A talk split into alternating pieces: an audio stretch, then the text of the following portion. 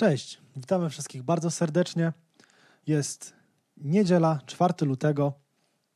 Nadajemy na żywo ze studia we Wrocławiu. Ja nazywam się Konrad Janowski, a ze mną w studio jest Bogumił Vandenbroek. Dzień dobry. Przypominamy, że jako stacja ateizm przede wszystkim promujemy pozytywny ateizm, rozdział Kościoła od państwa, wspieramy dyskryminowanych ateistów i służymy im pomocą oraz prowadzimy dialog na temat wiary z naszymi słuchaczami. Możecie do nas dzwonić pod numerami telefonów, które właśnie podaję. 503 928 319 i drugi 791 019 212. Jesteśmy ciekawi, w co wierzycie i dlaczego. Śmiało dzwońcie. Rozpoczynając dzisiejszy odcinek, przedstawimy najpierw temat. Chciałbym porozmawiać z Wami dzisiaj na temat nauki. Jest to temat nie do końca prosty, dla niektórych kontrowersyjny, e, choć wydawać by się mogło, że jednak nauka to jest podstawa dzisiejszego czasu. No, niestety ostatnio coraz więcej jest, powiedzmy, wątpliwości. Dlatego chciałbym e, przybliżyć Wam dzisiaj, co to w ogóle jest nauka. Zauważyłem niestety taką tendencję, że wielu ludzi bardzo lubi mówić o nauce, twierdzeniach naukowych, teoriach naukowych, odwoływać się wręcz w rozmowie o wierze do postanowień fizyki kwantowej i do analizy kwantowych dusz, no i różnych tego typu rzeczy. Tak naprawdę nie wiedząc, co to jest nauka, nie wiedząc, jak wygląda badanie naukowe. No i dlatego postanowiłem, że tematem dzisiejszego odcinka jest nauka. Zapraszam Was do telefonów, jeżeli ktoś ma jakieś uwagi i spostrzeżenia z jego pracą naukową, bądź z jego doświadczeniem z pracami naukowymi, bądź z e, czytaniem prac naukowych. Zapraszamy. Numery macie na dole ekranu, napisane również, także przez cały czas będą na ekranie. Także e, gdzieś e, tutaj, nie wiem czy to czy dobrze pokazuje, natomiast one są na, na dole pod naszymi imionami i nazwiskami. Także zaczynając od początku, powiedzmy sobie, co to jest nauka. Nauka w ogólności stara się zdobyć wiedzę. Wiedzę, którą nazywamy naukową. A co to jest wiedza? Wiedzę w najprostszy sposób możemy zdefiniować jako ogół wiarygodnych informacji o rzeczywistości wraz z umiejętnościami ich wykorzystywania. Oczywiście wiedza naukowa nie jest jedyną wiedzą, jaką posiadamy my, ludzie, ale jest najbardziej rzetelną i najbardziej rygorystycznie pozyskiwanym rodzajem wiedzy. E, wobec czego nauka jest to po prostu jeden z rodzajów wiedzy ludzkiej i pod względem poznawczym wydaje się najtrafniejsza, najbardziej rzetelna oraz najlepiej przystosowana do czynienia przewidywań. To znaczy, jedną z cech wiedzy naukowej jest to, że ma silną zdolność przewidywania przyszłych wydarzeń. I na podstawie tej wiedzy możemy z bardzo dużą dokładnością przewidzieć to, co stanie się w przyszłości. Jednym z elementów, e, któremu zawdzięczamy tą właśnie zdolność i tą rzetelność tejże wiedzy, jest to, że wiedza naukowa poddawana jest ciągłej kontroli. To jest również jedno z kryterium naukowości, do których dojdziemy w e, dalszej części, że cały czas jest weryfikowana i to, że teorie naukowe zmieniają się na przestrzeni lat, bo się zmieniają, co przez wielu ludzi jest krytykowane, uznawane jako pewien minus nauki, tak naprawdę jest jej największym plusem. Znaczy to, że każda teoria naukowa może być zaatakowana, obalona i zastąpiona nową, lepszą, trafniejszą i bardziej dokładną. Więc twierdzenie naukowe, jakie by ono nie było, nawet najbardziej fundamentalne, jak chociażby znana wszystkim teoria grawitacji Newtona, która swoją drogą jest już w pewien sposób obalona, może być weryfikowane. Do tego dojdziemy również. No i teraz, jak rozróżnić tak ogólnie, czy ktoś, kto wygłasza jakieś twierdzenia, wygłasza twierdzenia naukowe o wiedzy naukowej, czy może się podawać za naukowca, czy też nie. Wybrałem tylko kilka kryteriów, które ja uważam za najważniejsze i najistotniejsze w odbiorze takiej wiedzy. I tutaj je Wam przedstawię. Więc pierwsze kryterium naukowości wiedzy jest to tak zwana mocna zasada racjonalności. I to jest, uważam, jedna z najważniejszych rzeczy, która rozróżnia twierdzenia naukowe od twierdzeń pseudonaukowych. Mm, w skrócie ta zasada mówi o tym, że każde twierdzenie naukowe powinno być wygłaszane dokładnie z takim stopniem pewności, z jakim jest ono uzasadnione. To znaczy, jeżeli stwierdzamy w naukowy sposób istnienie jakiegoś zjawiska i mamy na jego poparcie szereg badań y, lub innych twierdzeń, to nie możemy mówić, że ono jest na 100% pewne, jeżeli te badania nie wskazują na to, co jest bardzo często robione podczas e, wygłaszania test pseudonaukowych, czyli nie spełniamy właśnie tej e, zasady racjonalności. I oczywiście twierdzenie, żeby było naukowe, nie musi być stuprocentowo zgodne z prawdą. To ta zasada racjonalności mówi o tym, że można wystosować nawet bardzo śmiałe hipotezy, bardzo śmiałe twierdzenia, które dalej uznawane są za naukowe, nawet takie, które odbiegają w rażący sposób od dotychczas znanej wiedzy, tylko wtedy wygłaszamy je w taki sposób, że zaznaczamy, że jest mało prawdopodobne, nieudokumentowane lub że nasze twierdzenie jest może nie być zgodne z prawdą, ponieważ nie jest mocno uzasadnione. To jest bardzo istotne.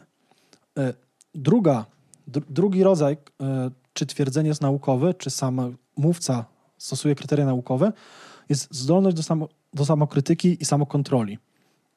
Tak naprawdę współczesna nauka zaczęła się właśnie w tym momencie, kiedy filozofowie, wtedy uważani za największych naukowców, zdali sobie sprawę, że swoje twierdzenia, właśnie swoje teorie należy poddawać stałej kontroli w świetle nowych faktów, stałej samokontroli, czy też kontroli przez innych i umieć przyznać się do tego, że wcześniejsza teoria była zła i że miała błędy. To jest jeden z fundamentalnych kryteriów naukowości, że nie twierdzimy, że to, co twierdzimy, zawsze będzie niezmienne.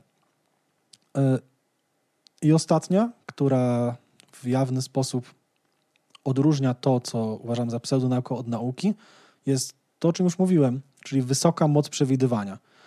Więc jeżeli naukowiec twierdzi, że wszystko, co trzymamy w ręku, upuścimy, spadnie na ziemię, ponieważ jest to zgodne z teorią grawitacji. Przewidywania te są zgodne w 100%. To znaczy, wszystkie przedmioty upuszczone przez nas, wypuszczone z ręki, spadną w dół jeżeli działa na nie siła ciężkości. Natomiast jeżeli wygłaszamy twierdzenia nienaukowe, no na przykład takie, że homeopatia pomaga na raka, to mamy niską moc przewidywania, ponieważ podając leki homeopatyczne, w, czasami nam się uda tego raka, raka wyleczyć, a czasami nam się nie uda tego raka wyleczyć. Wobec czego na przykład homeopatia najczęściej jest wiedzą nienaukową, która nie daje wysokich mocy prognostycznych, a jest wypowiadana z wielką pewnością, pomimo braku dobrego uzasadnienia. Mm. I tutaj pamiętajmy, to jest również bardzo często zarzucane, że wiele hipotez naukowych i wiele nawet teorii naukowych, które były konstruowane, są irracjonalne, były nieprzyjęte, były podważone, Mm, były niezgodne z dotychczasowymi, e, z dotychczas znanymi prawdami. I to również jest nauka. To znaczy, ta zasada racjonalności mówi o tym, że możemy czynić przekonania bardzo śmiałe i potem je podważać, i to jest klucz do sukcesu. Jakby tutaj zamknijmy rozdział tego, co to w ogóle jest wiedza naukowa. Mam nadzieję, że chociaż w kilku punktach w miarę jasno opisałem, co to jest nauka, i mocno podkreśliłem to, że nauka opiera się na tym, że jest podważana i opiera się na tym, że jest zmienna w czasie. I to jest jakby jej sukces. A Tutaj dzieje bym, się... Mogę coś dodać? Oczywiście. E, on, chciałem tylko dodać, że faktycznie nauka zmienia się z czasem, ale to działa na w ten sposób, że na przykład, e, bo ktoś mógłby powiedzieć, że w takim razie, e, jak możemy twierdzić, że świat ma te 13 z kawałkiem miliarda lat, może nauka odkryje za 50 lat swojego rozwoju, że świat ma 6 tysięcy lat, skoro wiedza się zmienia. I tutaj e, ja bym nie powiedział, że nauka się zmienia. Użyłbym słowa nauka się doskonali. Tak, ponieważ oczywiście zmiana teorii naukowej to nie jest zmiana na zasadzie, a teraz sobie uważamy inaczej, to uważamy inaczej. Tylko chodzi o to, że jeżeli obserwacje doskonalsze za pomocą lepszych przyrządów pomiarowych, na przykład u, wzbogacone o nowe odkrycia z innej dziedziny nauki, pokażą nam inne fakty, inne uzasadnienia, to tą teorię można zmienić i nie jest w żaden sposób zdogmatyzowana. I teraz dlaczego tak jest? Jakby dlaczego ta nauka jest wyjątkowa na tle innych rodzajów wiedzy? W głównej mierze jest to ze względu na metodę, jaką jest, pozyskiwa, jaką jest pozyskiwana, czyli na metodę naukową. I metoda naukowa przede wszystkim opiera się na tym, żeby zadawać pytania naukowe. Czyli takie pytania, na które można odpowiedzieć w sposób jasny. Mm, żeby doprecyzować, każde twierdzenie naukowe musi mieć kryterium falsyfikowalności, co w przełożeniu na prostszy mm, slogan znaczy tyle, że twierdzenie naukowe musi dać się podważyć. I teraz taki, możemy zrobić krótki test myślowy. Na przykład twierdzenie, czy Bóg istnieje, jest twierdzeniem naukowym, czy też takim nie jest? Bogu? E, to zależy. Nie chcę ci, znaczy, Jasne. Powiem, powiem może krótko na razie tak. E, Niekoniecznie uważam, że istnienie Boga jest zagadnieniem naukowym. Nie musi być. Natomiast nie widzę żadnych alternatywnych metod, które, która pozwoli, metody, która pozwoliłaby rozróżnić twierdzenia fałszywe od prawdziwych, e, innych niż metoda naukowa. I ponadto y, doskonale rozumiem takich naukowców jak Lawrence Krauss czy Dawkins, którzy mówią, że jak najbardziej istnienie Boga jest pytaniem naukowym, dlatego, że jeżeli Bóg istnieje, no to trzeba przemyśleć całą naukę y, raz jeszcze, bardzo, bardzo porządnie. Nie? Być może, aczkolwiek pytanie postawione właśnie w takiej formie tylko, czy istnieje Bóg, zdefiniowany jako niepoznawalna istota, transcendentna, nie dająca żadnych sygnałów na Ziemi, nie jest pytaniem naukowym. Z tego prostego względu, że nie możemy wyobrazić sobie żadnej sytuacji, żeby sfalsyfikować to twierdzenie, czyli żeby uznać, że ono jest nieprawdziwe. Ale teraz zadam drugie pytanie. Czy istnieje Bóg, y, który poprzez modlitwy pomaga chorym wyjść z choroby? Czy to jest pytanie naukowe? Jak najbardziej. I właśnie to chciałem powiedzieć, że może sam Bóg nie jest y, falsyfikowalny, nie? ale już jego e, pewna demonstracja jego istnienia w świecie rzeczywistym, na przykład e, działająca modlitwa, nie? byłaby już dla nas wskazówką i pewną poszlaką, pewnym argumentem za tym, że on istnieje, mimo że on sam, ten Bóg, nie jest, e, nie można wykazać, że on, wiesz, istnieje albo nie istnieje. Tak. I tutaj jakby możemy postawić to kryterium, że na przykład jeżeli zbadamy, że ktoś się modli, a ludzie się nie zostają wyleczeni, no to to jest nieprawda. A jeżeli ktoś się modli i ludzie zostają wyleczeni, jest to prawda. Jest to klasyczny przykład problemu naukowego. Możemy zbadać, że coś jest nieprawdą lub coś, że jest prawdą. I to jest fundamentalne założenie, ale jest też kilka innych, które moim zdaniem bardzo mm, pozytywnie wyróżniają naukę na tle innych mm, rodzajów wiedzy, takich jak właśnie wiedza religijna, wiedza potoczna. Przede wszystkim musi zostać ogłoszona publicznie i musi być możliwe zapoznanie się szerokiej społeczności z treścią teorii. Czyli wiedza nigdy nie jest tajemna. Wiedza naukowa.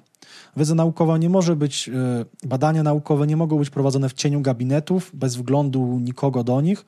Teoria ogłoszona tylko wąskiemu gronu ekspertów i nikomu innemu. I nie wymaga się, żeby inni wierzyli w tą teorię. Każda teoria naukowa i każde badanie naukowe, które jest uznane w świecie, jest możliwe do publicznego wglądu. Każdy, dosłownie każdy, może sobie do niego zajrzeć. E, zazwyczaj pełna treść e, łącznie z metodą jest płatna, ale ogólne postanowienia takiego badania i podstawowa metodologia są w, dostępne publicznie bez żadnych opłat, więc jeżeli ktoś cytuje badanie naukowe i mm, na przykład pisze artykuł w internecie na podstawie badania naukowego, każdy czytelnik, kiedy na przykład uważa, że to może być nieprawda, może wejść i takiemu badaniu zarzucić na przykład, że metoda była zła, że ktoś tam zrobił błędy, że na przykład badanie w ogóle nie jest słuszne. Każdy może to zrobić. I to jest te, też bardzo ważny element nauki. Nic nie jest tajemne. E, oczywiście teoria naukowa musi czynić przewidywania.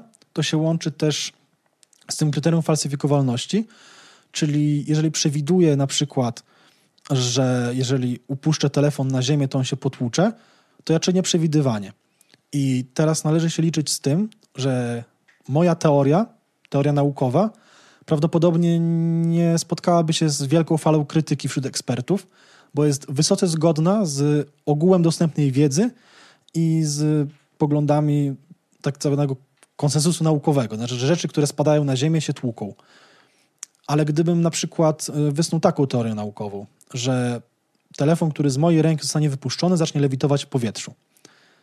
Taka teoria, taka, taka, taka hipoteza, badanie, które powiedzmy potwierdziłoby taką hipotezę, byłoby poddane bardzo szerokiej fali krytyki. Bardzo dużo ludzi z pewnością, gdybym przeprowadził takie badanie, które uda mi się, w którym uda mi się dowieść taką rzecz, z pewnością bardzo wielu ludzi chciałoby je powtórzyć, bardzo dużo ludzi by je recenzowało i bardzo wielu ludzi by się mu przyjrzało i powtórzyło, żeby sprawdzić, czy ja by na przykład nie kłamie. O ile w ogóle ktoś by mnie dopuścił z wynikami takiego badania do jakiegokolwiek magazynu naukowego.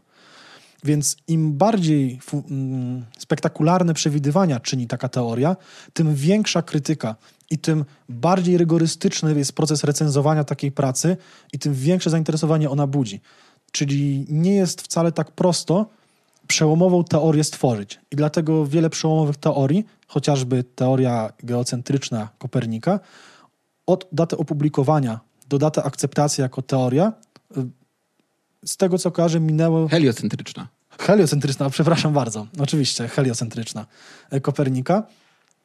Minęło chyba około wieku od daty publikacji do daty akceptacji tego w środowisku naukowym. Oczywiście środowisko naukowe tamtych czasów jest inne niż współczesnych czasów, więc wiadomo, że wtedy to wszystko szło trochę wolniej, nie było internetu na przykład, e, takie szalone czasy, ale teraz również nie jest to takie proste. Jeżeli ktoś ma nowoczesną teorię, spektakularną, na przykład taka hipoteza strun, może wielu ludzi się z nią spotkało. To nie jest tak, że jakiś fizyk wymyślił sobie hipotezę strun i ona od razu została wciągnięta w kanon jako teoria opisująca wszechświat. E, na przykład Hawking, który badał czarne dziury, o swojej hipotezy i matematycznego, udowodnie, e, matematycznego udowodnienia a priori, że czarne dziury są konsekwencją teorii Einsteina, do odnalezienia i empirycznego sprawdzenia swojej tezy nie, nie mógł być tego pewny i nie uznawano tego za teorię. Czarne dziury nie były tworem, który na pewno istniał, a minęło chyba 50, 60 lat, zanim to się stało, zanim zostało potwierdzone. E, może pamiętasz coś w tej sprawie?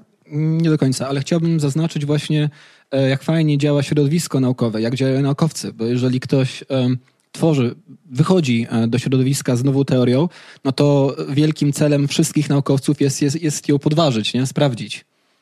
E, tak. Bo nauka, świat nauki opiera się na tak naprawdę na takiej konkurencji między, między osobami e, zaangażowanymi. Więc to jest bardzo fajne, że mm, aż się, aż jakby się nie musi prosić o to. Tak. Twoja hipoteza będzie zbadana w każdy możliwy do, tobie do wyobrażenia I, sposób, nie? I, I tak naprawdę będzie jeszcze dosyć dobrze zbadana przed publikacją. I to jest... Tak, tak, oczywiście. To jest fundament mm, tego, że żaden naukowiec się o to nie obraża. On wręcz chce, żeby jego hipotezę sprawdzono, bo tylko w ten sposób y, poprzez y, liczne cytowania, liczne próby sprawdzenia, bo każde sprawdzenie teorii, która popiera to, czyli ktoś wykona taki sam eksperyment jak ty, nic, nic nowego, niby to samo, ale potwierdzi i dostanie takie same wyniki lub bardzo zbliżone, utwierdza tą teorię jako prawdziwą. I tutaj dochodzimy do momentu, w którym trzeba stworzyć pracę naukową. Pracę naukową, czyli powiedzmy literacki opis doświadczenia, empirycznego sprawdzenia, czynienia przewidywań, po prostu jak spisać to wszystko, co robi naukowiec, yy, często przez wiele lat, żeby dowieść jakiejś swojej hipotezy, która jest na razie hipotezą. Czyli na początku trzeba ustalić zagadnienie problemu i dostrzec zagadnienia pochodnych, czyli przeczytać literaturę, dostępna na ten temat, odnieść się do innych badań naukowych, które może badały bardzo podobne zjawiska i najpierw sprawdzić, czy to, co my wymyśliliśmy, ma jakiekolwiek potwierdzenie e, w dotychczasowych odkryciach naukowych i dotychczasowo zbadanych rzeczach. Jeżeli nie ma, no musimy się liczyć z tym, że musimy tym lepiej uargumentować nasze badanie. Mm. Oczywiście trzeba opisać wszystkie założenia, wszystkie przebadane, powiedzmy, z literatury mm, wątki oraz, oraz omówić metodę. To jest bardzo kluczowym elementem pracy naukowej, to znaczy jawna metoda i dokładne opisanie metody, wedle której konstruujemy nasze badanie. Tutaj y, zrobimy chwilę pauzy. Mamy telefon od słuchacza. Y, poprosimy linię numer dwa. Metoda, dokładne opisanie metody. Halo, dzień dobry. Cześć, dzień dobry. Proszę cię o wyłączenie streamu, ponieważ e, słyszymy swój stream sprzed chwili, jeśli możesz, wyciszyć. Aha, dobrze. E, cześć, tutaj Stadia Ateizm. Jak nazywasz, jak się nazywasz i skąd do nas dzwonisz? E, cześć, nazywam się Artur, dzwonię z Warszawy. Jasne. Ja bym chciał tutaj powiedzieć o tym, że, że jednak jest tak, że metoda naukowa ma sporo ograniczeń. No właśnie sobie, to, sobie tutaj otworzyłem, otworzyłem takie czasopismo Delta i tutaj właśnie chciałem opowiedzieć o czymś takim jak liczba, jak liczba Ramseya. Mhm. Jest to taka liczba, która jest taka, że po prostu się nie, nie da policzyć. No i tu, tu, ja wam przeczytam taką krótką notatkę. Mianowicie wyobraźmy sobie, że w lepiej nastawiona i znacznie potężniejsza militarnie obca cywilizacja napada na, napada, napada na Ziemię i żąda od ludzi wyznaczenia dokładnej wartości liczby Ramseya dla 5. Gdyż w przeciwnym razie zniszczy planetę. Co powinniśmy zrobić, aby nie dopuścić do zagłady? Powinniśmy zmobilizować wszystkich matematyków, informatyków i programistów, zaprogramować wszystkie komputery na świecie i spróbować znaleźć rządową wartość. A co jeżeli kosmici zażądają wyznaczenia liczby R6? Wówczas powinniśmy spróbować zniszczyć najeźdźców. No to po prostu pokazuje, że jest tak, że to nie jest tak, że metoda naukowa jest w stanie rozwiązywać wszystkie problemy, bo, bo, bo jest bardzo dużo problemów, których po prostu się nie da już naukowo e, rozwiązać. I co wy na to? Czy, czy, czy z tego nie wynika, e, że istnieje jeszcze inna metoda, jaka, albo przynajmniej jest sens nie. poszukiwać innej metody niż metoda naukowa? To znaczy, ja, ja mogę coś? Oczywiście. E, nikt nie mówi i nikt nie twierdzi, że metoda naukowa jest e, najlepszą metodą do dochodzenia do wniosków najbliższych prawdzie. Po prostu wygląda na to, że na razie jest najlepszą i najbardziej rzetelną metodą, do której obecnie mamy dostęp. Znaczy... Wszelkie alternatywne, jak ezoteryka, e, wiara czy, czy, czy, czy innego rodzaju, e, nie pokazują taki, nie, pokazuje, okazuje się, że nie są tak samo rzetelne i nie działają w ten, tak, tak dobrze jak metoda naukowa. Tutaj ja chciałbym też dodać pewne. Mm, o tym jeszcze e, powiem w zakończeniu, powiedzmy takiego wstępu przydługiego, ale chodzi o to, że nauka w głównej mierze jest nauką indukcyjną. To znaczy, poprzez kilka tysięcy, kilkaset, kilkadziesiąt dotychczasowych doświadczeń stwierdzamy jakieś fakty, głównie nauka, nauki empiryczne. Są też nauki matematyczne, które nie są empiryczne i one dają odpowiedzi na pytania, powiedzmy, z, nie z zakresu empiryki. Ale czy jest jakaś inna metoda, którą moglibyśmy dojść do rozwiązania tych problemów, o których mówisz?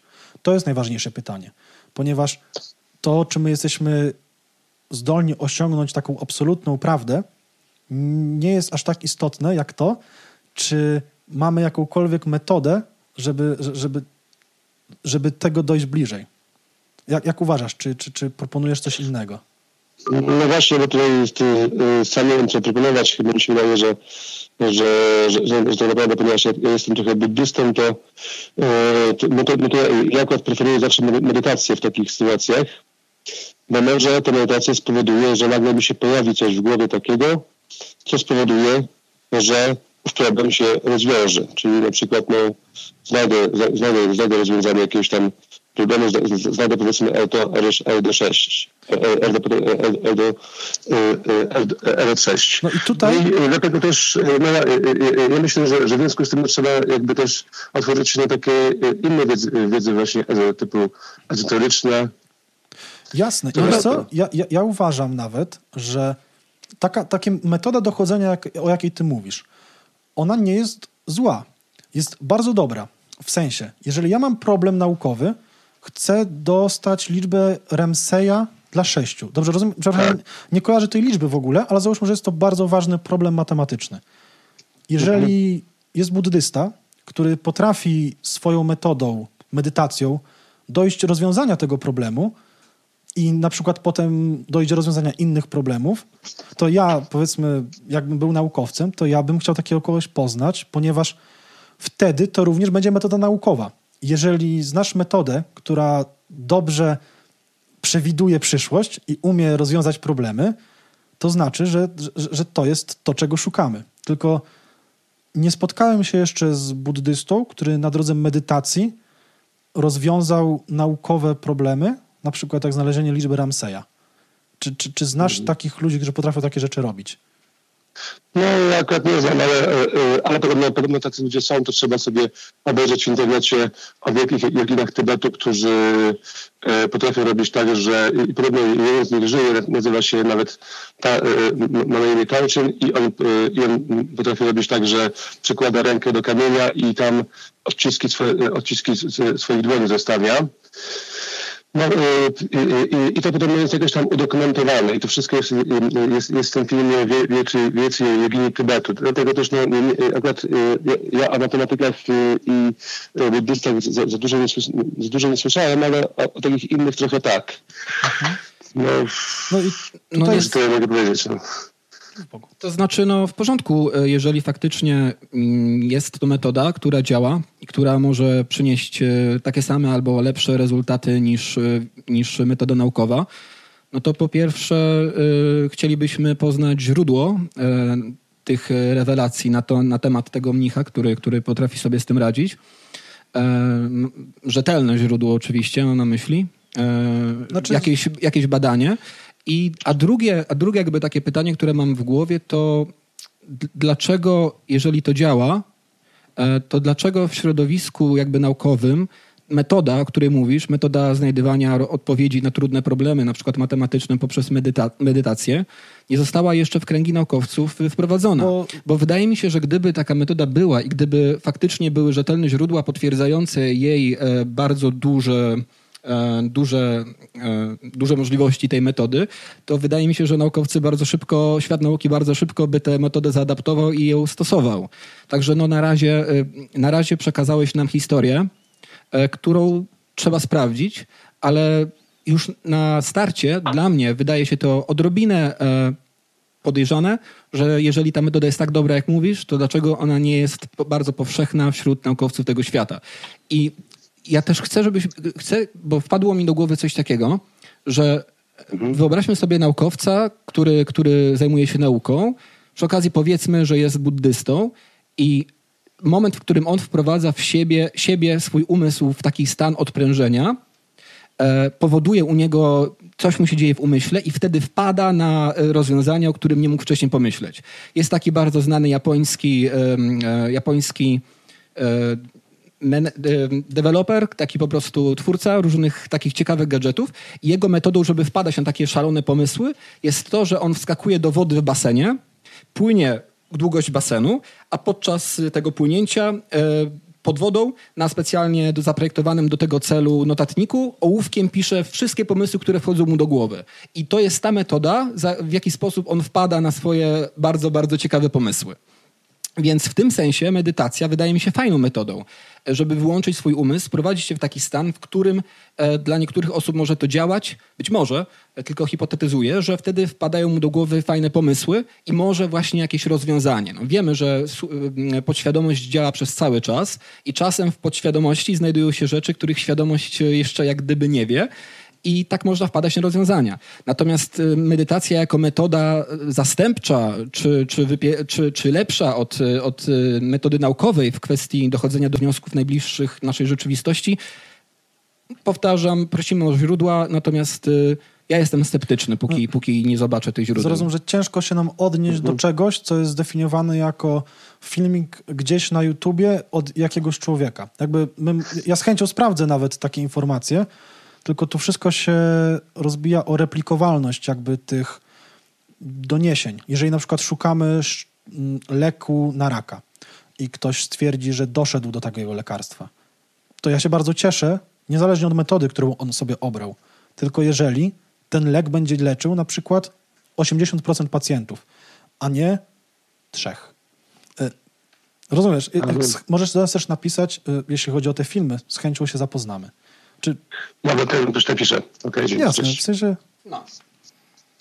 no. Dziękuję za telefon. Tutaj y, widocznie nie, mamy się jakby do czego odnieść, ponieważ y, przytoczone były pewne dowody, których y, nie możemy teraz się z nimi zapoznać, ale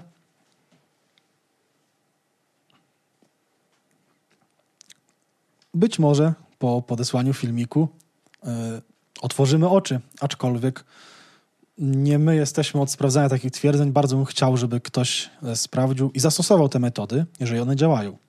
I tutaj chciałbym szybko skończyć mm, wstęp, który zacząłem, czyli jak kończy się praca naukowa. E, żeby dokończyć jakby ten proces, żebyśmy mieli świadomość.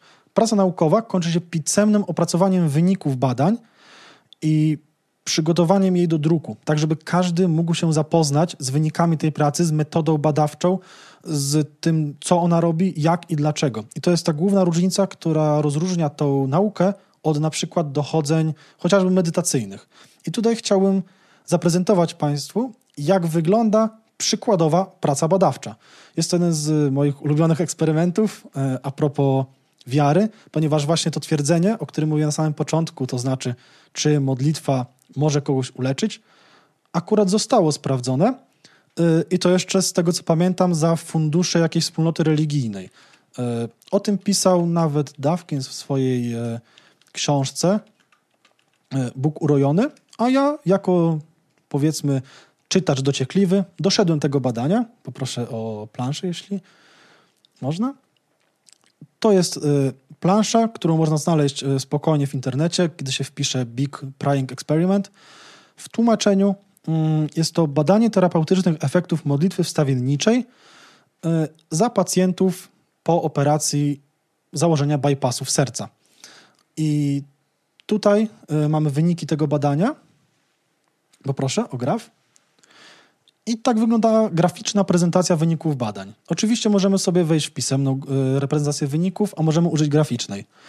I tutaj pierwszy słupek z lewej to jest e, grupa, grupa, za którą ludzie uskuteczniali modły i oni nie wiedzieli o tym, że tak jest. Druga grupa to jest e, grupa kontrolna, czyli grupa, za którą nikt się nie modlił i ona też nie wiedziała, że tak jest. A trzecia grupa jest to grupa powiedzmy domyślnie badana, czyli ta, za którą się modlili i ci ludzie również wiedzieli, że się za nich modli. I teraz ten wysoki słupek, czyli główna część badania, pokazuje procent y, osób, u których nastąpiły powikłania po tej operacji.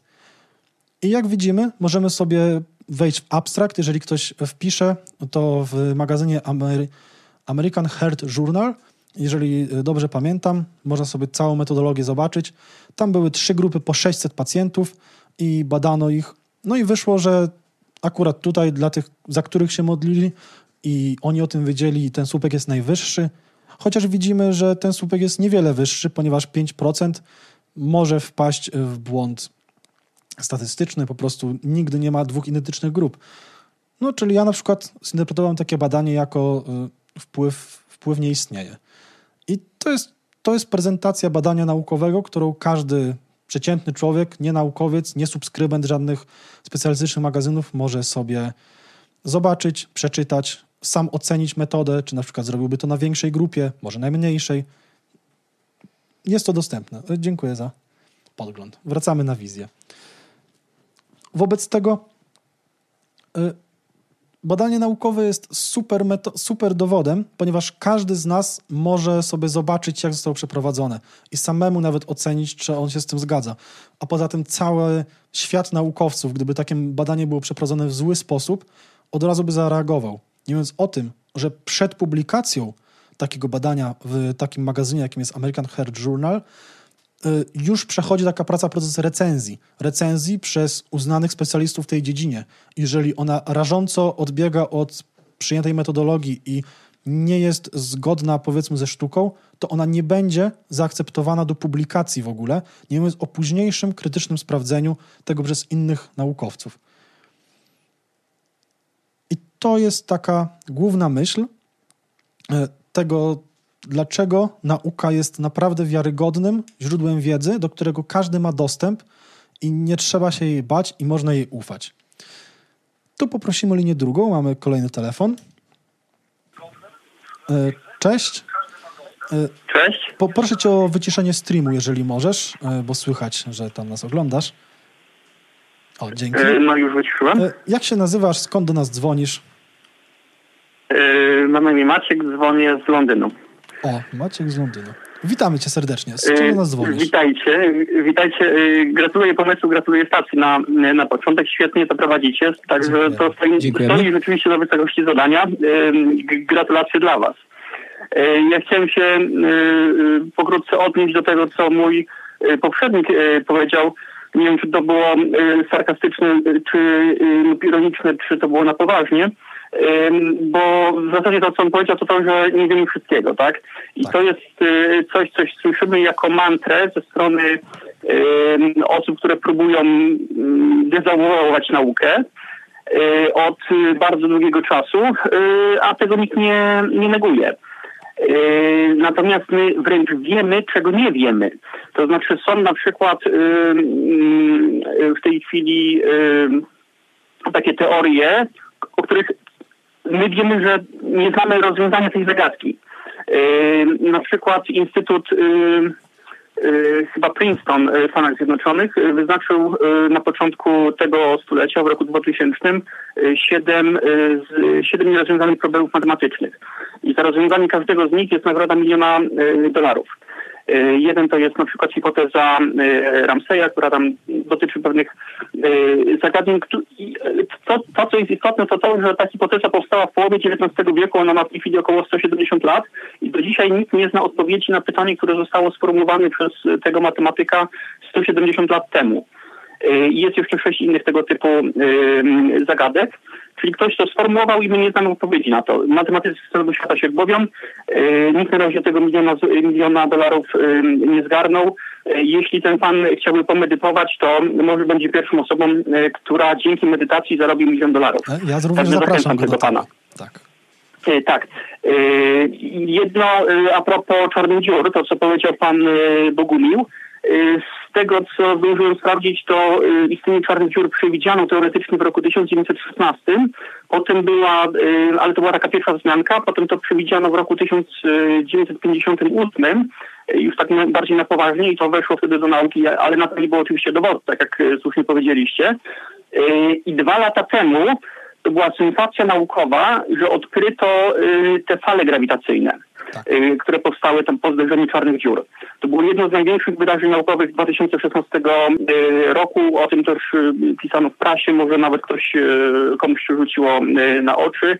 I to było pierwszy raz, z, pierwsze doświadczalne, bo nie było wcześniej sposobu na sprawdzenie tego, czy to jest prawda.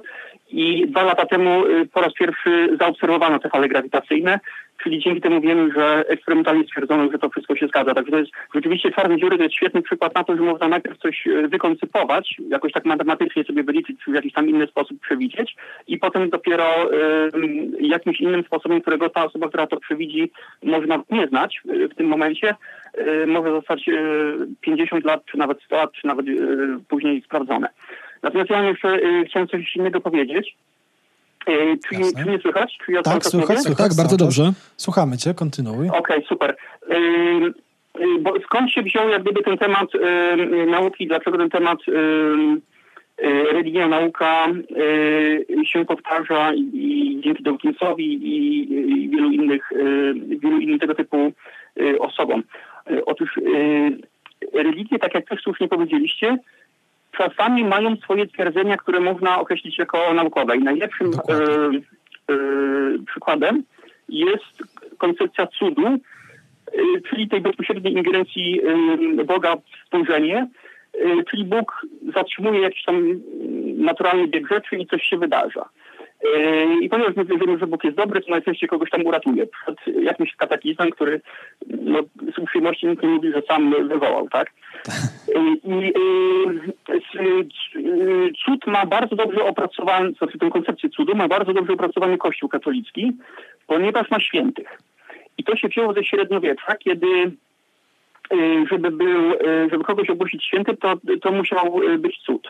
Tak, no i to dokładnie. zostało do dzisiaj i to się tak trochę ciągnie jak taki ogon, taki no, spowodowany przez historię za Kościołem, bo do dzisiaj muszą być te cuda, żeby kogoś ogłosić świętym. Jest jeden cud potrzebny, żeby ogłosić błogosławionego, czyli beatyfikację zrobić i dwa cuda, żeby ogłosić kogoś świętym. No oczywiście Jan Paweł II też no, było, szukanie tych cudów, znalazły się cuda z całego świata, dwa zaakceptowano. Jeden to było tam wyleczenie jakiejś, yy, jakiejś kobiety z Indiach i drugi chyba jakiejś innej kobiety yy, chyba z Parkinsona, chyba z Francji, jeśli dobrze pamiętam. I, i, ja napisałem kiedyś artykuł na ten temat i zacząłem głębiej szukać, jak to, jak to działa. Otóż to działa w ten sposób, że jest ta, to się nazywa Kongregacja do Spraw Świętych, jeśli dobrze pamiętam. I oni muszą mieć jakiś cud, więc oni szukają, rozpuszczają bici tam, że szukamy cudów w takim razie, bo musi być cud. Bo nie można ogłosić kogoś świętym y, tak z własnego y, pomysłu y, w Watykanie, papieża czy tych kardynałów, tylko oni muszą mieć jak gdyby tą podkładkę. Także ten cud jest potrzebny po to, żeby była podkładka, że, był rzeczywiście, że ta osoba rzeczywiście jest święta, bo tylko osoba święta może dokonać cudu. Tak, za pośrednictwem Boga. I oni, y, oni szukali tych, y, więc oni najpierw szukają tych cudów, i to są głównie uleczenia, to znaczy wyzdrowienia, z raka, z Parkinsona, z czegokolwiek.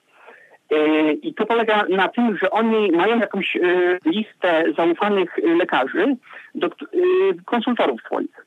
I oni oczywiście płacą ciężkie pieniądze za to, żeby oni powiedzieli, że tego się nie da wyjaśnić naukowo.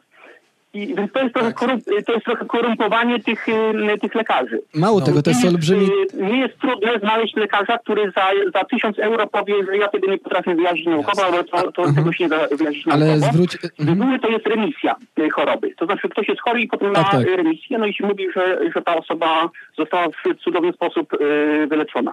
Ale zwróć tak, uwagę, jaki tutaj... Tak to wszystko wygląda. Chciałem tylko zwrócić uwagę, jaki tutaj fajny się kryje... E, pospolity błąd po prostu logiczny, e, który brzmi e, nauka nie potrafi wytłumaczyć tego, dlaczego ktoś wyzdrowiał, a zatem wiemy, co sprawiło, że ktoś wyzdrowiał. Bóg. Tak. To też jest jakby bardzo ważne. Czyli rozumiem, że dzwonisz, no, żeby się podzielić tą y, wiedzą na temat tego, jak są cuda akceptowane przez Kościół. Tak, tak, tak. Jak, jak te cuda e, wyglądają? Znaczy, to jest ciekawe, że nadal ta koncepcja cudu istnieje, no bo Kościół nie może się z niej uwolnić. Jasne, no ja rozumiemy. tego jednego cudu do beatyfikacji i dwóch. I oni sami mówią, że oni tego potrzebują i szukają dopiero kiedy oni yy, mają podkładkę ze strony jakiegoś lekarza, Y, za odpowiednią jakąś tam gratyfikacją w euro, że tego się nie da wyjaśnić naukowo, to oni to akceptują i mówią, że ta osoba rzeczywiście y, Jasne. jest y, święty, dokonała cudu. Nie wiemy dlaczego, więc wiemy dlaczego. Najczęściej to, najczęściej to są uleczenia, natomiast kiedyś czytałem taką wywiad jakiegoś tam kardynała z, z, tej komisji i on powiedział, że kiedyś mieli taką, że to nie muszą być, nie musi być dokładnie wyzdrowienie, czy uleczenie kogoś z choroby, to może być coś innego i kiedyś oni mieli taki przypadek, to jest ciekawe, jeśli mogę jeszcze to powiedzieć. No, oni tak jakbyśmy już zmierzali powoli do meritum, bo już y, chcemy tak, oni mieli kiedyś taki cud, y, że y, y, był problem z łodzią podwodną, ta, była jakaś awaria i jeden z tych groziło im, że oni umrą wszyscy i, i jeden z marynarzy się zaczął modlić do jakiegoś tam świętego, znaczy kogoś tam i wtedy ta łódź się cudownie wynurzyła i oni też to uznali za cud. Czyli coś, Jasne. czego się nie wyjaśni naukowo. To jest no. ciekawe. Okej. Okay. I oczywiście, czyli... Dziękuję bardzo. Dziękujemy. Dziękujemy również za telefon. Pozdrawiam czołem. Pozdrawiamy. Pozdrawiamy. Również. Mogę się odnieść? Odniosę się. Oczywiście. E, do cudów. Tak, mam olbrzymi problem z procesem rozumowania, który stoi za uznawaniem czegoś za cud. E, a powód jest bardzo prosty. Mm, jeżeli nie wiemy, dlaczego coś się stało, to nie znaczy z automatu, że wiemy, coś się stało dlaczego coś się stało. Weźmy sobie na przykład cudowne, y, cudowne uzdrowienie, tak? Załóżmy, że, że ktoś y, ma raka, e, następnie, następnie nau, nauka twierdzi, że jest to rak niewyle, nie, nieuleczalny, że pacjent nie ma szans wyzdrowieć, następnie pacjent modli się do wybranego przez siebie Boga i następuje remisja. Problemem jest tutaj kompletny brak jakby przyczyny, przy, y, zademonstrowania y, przyczynowości w tym, że modlitwa spowodowała jego wyzdrowienie. E, spotkałem się kiedyś z taką, z taką osobą, która powiedziała, że ale, nauko, ale lekarze powiedzieli, że to jest nieuleczalny nowotwór. E, nieuleczalny nowotwór to nie znaczy, że pacjent nie ma szans przeżyć i po prostu to jest wiadome ze stuprocentową pewnością, że umrze na 100%. E, choroba nieuleczalna to taka, na którą po prostu nie znamy metody, żeby ją, żeby ją po prostu wyleczyć i w przeważającej większości przypadków w znanej nam medycynie ta choroba kończy się zgonem pacjenta. Tak. Ale to nie znaczy, że nauka w tym momencie twierdzi, że to jest niemożliwe z, tego, z tej choroby po prostu wyjść. Bo tu trzeba pamiętać właśnie o tej zasadzie racjonalności, którą mówiłem.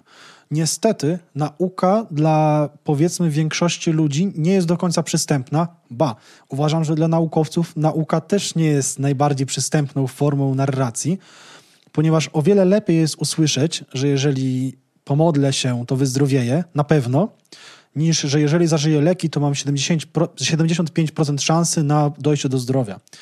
I tak naprawdę naukowcy doskonale sobie wiedzą, doskonale zdają sobie sprawę z tego, że twierdzenia, które się publikuje w książkach popularno-naukowych, w filmach popularno-naukowych, czy nawet lekarze, którzy mówią swoim pacjentom, że wyjdzie pan z tej choroby, czy że pan z niej nie wyjdzie, to nie są stwierdzenia absolutne, ale nie można komunikować się w powiedzmy normalnym otoczeniu za każdym razem y, zaznaczając swoją niepewność. I poza tym właśnie to, że nauka nie zna odpowiedzi na jakieś pytanie, ponieważ nie zna na wszystkie pytania i nigdy do tej pory nie rościła sobie prawa do od, zdania odpowiedzi na wszystkie pytania, dalej nie oznacza, że korzystając z tej wiedzy mistycznej, z wiedzy ezoterycznej, my te pytania znamy. Wynika to z prostego faktu. E, tutaj możemy też powiedzieć, czym się właśnie różni nauka od pseudonauki i dlaczego pseudonauka jest tak bardzo popularna. W pseudonauce również można się odnieść, uważam, do twierdzeń religijnych, które nie traktują spraw religijnych, a sprawy naukowe. Ponieważ tutaj, parafrazując, oddajmy nauce co naukowe, a religii co religijne. Jak podałem przykład na samym początku odcinka, może ktoś pamięta, są twierdzenia, które są twierdzeniami naukowymi i takie, które nimi nie są. Na przykład, yy, tu jest ciekawy, powiedzmy, jeżeli stwierdzimy, że Ziemia jest zrobiona yy, z żółtego sera, to jest stwierdzenie naukowe i możemy na przykład sprawdzić, że nie jest. Ale jeżeli powiemy, że Ziemia jest zrobiona z magicznego sera, który nie jest rozróżnialny od zwykłej Ziemi w żaden znany nam sposób, to już nie jest twierdzenie naukowe. I teraz, jeżeli religia twierdzi na przykład, że po śmierci trafiam do raju, y, jest to niepoznawalne metodą naukową w oczywisty sposób. Jeżeli zdefiniujemy ten raj jako nieistniejącą krainę w naszym materialnym świecie, i ja na przykład nie odbieram prawa ludziom do twierdzenia, że tak może być. Ale jeżeli na przykład y, religia twierdzi, że może pomóc komuś wyjść z choroby, że jeżeli na przykład twierdzi, że modlitwa wstawiennicza jest y, dobrą drogą, y, lepszą niż powiedzmy klasyczna medycyna. I tak dalej, i tak dalej, to już nie są zagadnienia, wobec których możemy przejść obojętnie i to już są zagadnienia stricte naukowe. I pseudonauka w którą właśnie wliczam twierdzenia religijne na temat tematów naukowych, po prostu jest wszystkim odwrotnym do nauki, e, jeżeli pamiętamy, czym nauka jest. To znaczy, głosi, głosi prawdziwość teorii, zanim zostaną one zweryfikowane eksperymentalnie. Czyli gdyby Hawking był pseudonaukowcem, to w roku 1956, o ile można wierzyć naszemu rozmówcy, e, który to sprawdził, e, nie mam dokładnych dat, ale załóżmy w tym roku, w którym wymyślił czarną dziurę, twierdziłby, że czarne dziury na pewno istnieją i to jest y, wielkie odkrycie. Głoszenie teorii, które są tak skonstruowane, że nie da się ich zweryfikować naukowo. Czyli na przykład ta teoria strun. Teoria strun była teorią tylko dlatego, że nie była teorią w sensie naukowym, ponieważ nie zakładała kryterium falsyfikowalności i nie traktuje się jej teraz jako sposób na tłumaczenie wszechświata. W głównej mierze dlatego, i głoszenie teorii, które zostały negatywnie zweryfikowane eksperymentalnie. Na przykład homeopatia została negatywnie zweryfikowana eksperymentalnie wielokrotnie. Środowisko naukowców z dziedziny medycyny zaprzecza jej prawdziwości, a pseudonaukowcy mimo wszystko głoszą tą teorię za prawdziwą. Na przykład modlitwa wstawiennicza za ludzi chorych. Eksperyment podałem, który potwierdził eksperymentalnie z dużymi nakładami finansowymi, że nie jest skuteczna. Mimo wszystko pseudonaukowcy religijni głoszą, że jest skuteczna i że to jest dobra metoda na wyjście z choroby. Głoszenie teorii, które są, stoją w jawnej sprzeczności z teoriami dobrze udokumentowanymi eksperymentalnie. Czyli na przykład twierdzenie, że szczepionki nie zabezpieczają przed chorobami. Jest to twierdzenie, które jest mocno uargumentowane, mocno stwierdzone, w takim sensie dobrze udokumentowane eksperymentalnie. Wiele badań pokazuje, że tak jest, ale są naukowcy, którzy twierdzą, że tak nie jest. E, odmowa poddania własnych teorii weryfika weryfikacji eksperymentalnej. To znaczy, ktoś, kto głosi pseudonaukę, nie chce, żeby jego wyniki jego badań, które można udało mu się przeprowadzić, były poddane eksperymentowi. Nie chce zostać zweryfikowany. Odmowa dostarczenia własnych dowodów, które będą na tyle silne, aby wytrzymać proces recenzowania publikacji naukowych. Czyli nie chcemy podać swoich dowodów, bo najczęściej ich nie mamy, mimo że uważamy jakąś tezę za prawdziwą. I mimo, że uważamy, że tak jest i tak musi być. Chociażby y, tutaj może po prostu ja nie znam dowodów, ale możliwość dowodzenia twierdzeń, możliwość dochodzenia matematycznych rozwiązań, problemów na drodze medytacji. Nie, nie znam żadnych dowodów, żeby ktoś podał, mimo że twierdzi, że tak może właśnie być, e, czy w jakikolwiek inny sposób nienaukowy.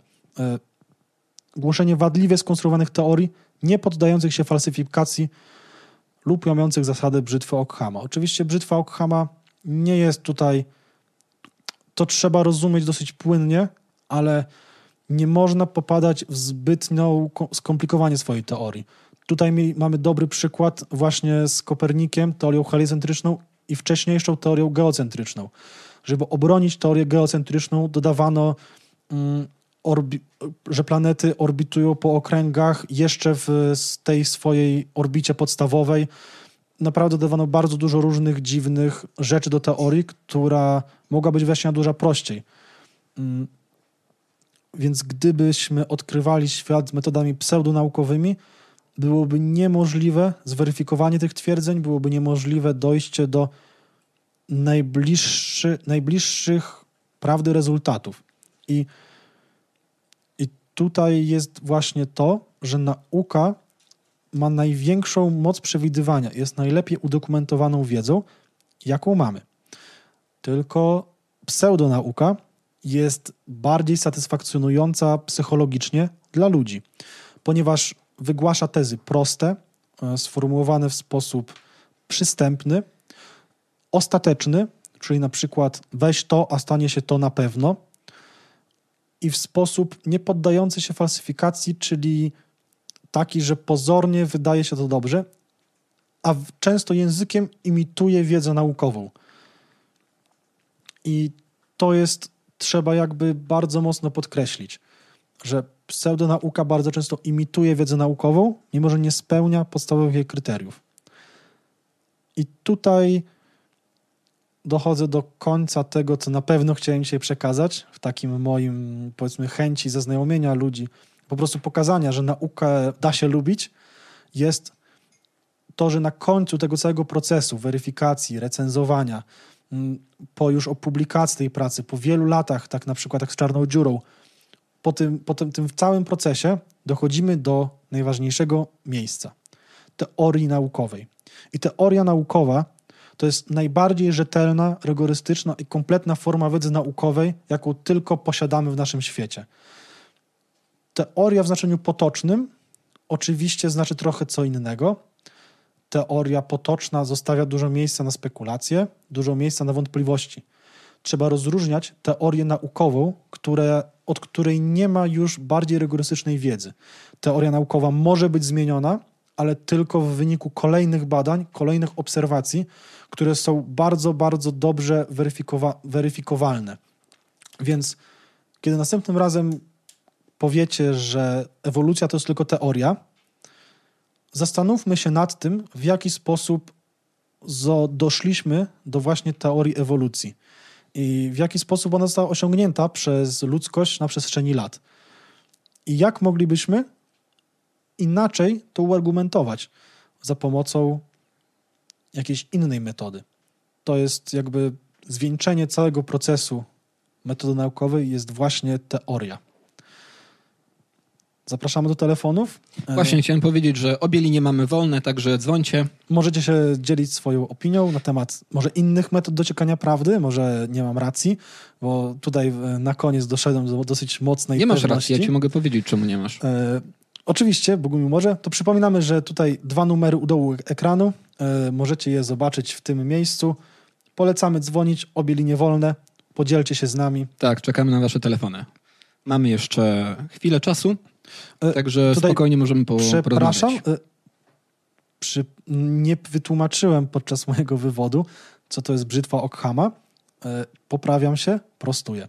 Brzytwa Ockhama polega na tym, aby wyjaśniać swoje teorie i swoje przekonania w możliwie jak najprostszy sposób przy jak najmniejszej ilości założeń. Z tym, że pamiętajmy, że jeżeli metoda jest bardzo ścisła, i tłumaczy bardzo skomplikowane zagadnienia, no to ilość, powiedzmy, pojęć jest bardzo względna. Na przykład taka teoria grawitacji Newtona wykorzystywała jeden, to, to jest jeden wzór, bardzo prosty, z dzieleniem i wyjaśniała w dosyć komplementarny sposób ideę grawitacji. Chociaż teraz już wiemy, że Einstein wymyślił trochę lepszą metodę na przewidywanie mm, ruchu ciał. Mimo wszystko dalej trzymamy się w obliczeniach podstawowych tej teorii newtonowskiej. No więc chodzi o to, że, że, że, nie możemy do starej teorii dorabiać nieskończenie dużej ilości y, nowych wersji, do, dodatków, żeby tylko ją pogodzić z nowszymi obserwacjami. Także teraz czekam. Y, dlaczego nie mam racji, Bogu? Y, bardzo mnie to ciekawi. No, dowiodłeś metodą naukową, że kochasz swoją mamę? Nie, tylko pytanie, czy kocham mamę, nie jest pytaniem naukowym, ponieważ miłość, jako bardzo subiektywne zdarzenie, nie spełnia kryteria naukowości, ponieważ jeszcze jednym z bardzo ważnych kryteriów naukowości jest tak zwany intersubiektywizm, czyli żeby twierdzenia, które stawiamy, mogły być dzielone pomiędzy ludźmi. Czyli ty, stosując tą metodę co ja, doszlibyśmy do samych wniosków. Tak, Czym dokładnie. jest miłość? Dokładnie, bo, bo dlaczego o tym wspomniałem? Bo bardzo często y, pojawia się taki argument od strony osób wierzących, że właśnie istnienie Boga nie jest pytaniem naukowym. A dowodem na to jest na przykład, że my jako ateiści i sceptycy nie potrafimy na przykład wytłumaczyć istnienia uczuć. Nie możemy dowieść istnienia uczuć, nie możemy dowieść istnienia na przykład miłości. E, I tutaj chciałbym powiedzieć dwie rzeczy. E, istnieje bardzo duża różnica między uczuciami, które są z gruntu e, subiektywne, a faktami obiektywnej rzeczywistości. E, oczywiście, jak najbardziej uważam, że miłość istnieje, ale uważam, że miłość jest e, jakby e, nazwą, którą nadajemy na pewien na pewne zdarzenia i na pewne nasze, jak gdyby, uczucia, które odczuwamy, e, związane z, związane z tym, e, co czujemy na przykład do drugiej osoby. E, I miłość jest po prostu nazwą wymyśloną przez ludzkość do nazwania te, tego zestawu uczuć, które czujemy w tym momencie. Nie odbiera to w żaden sposób duchowości tego zagadnienia, ale miłość jest uczuciem, które istnieje w nas i jest prawdziwe tylko po prostu dlatego, że je czujemy. I tyle. I to wystarczy. Tak samo jak nie musimy udowadniać, że czujemy strach. Czujemy tak. strach, bo to jest prawda, że ja czuję strach. I to mi wystarczy do tego, żeby dowieść tego. Wiemy na przykład, że istniejemy, nie? Bez, bez konieczności udowadniania tego, że istniejemy. Mam na myśli moje własne ja. E, natomiast Bóg jest czymś zupełnie innym. Bóg ma być częścią obiektywnej rzeczywistości. To, co ty mówiłeś. Tak. On istnieje, on powinien istnieć tak samo dla mnie, jak i dla ciebie. Oczywiście, jeżeli zdefiniujemy Boga jako takiego, który ma wpływ na rzeczywistość. No tak, bo... tutaj pojawia się na przykład argument, ja wierzę, że Bóg istnieje dla mnie.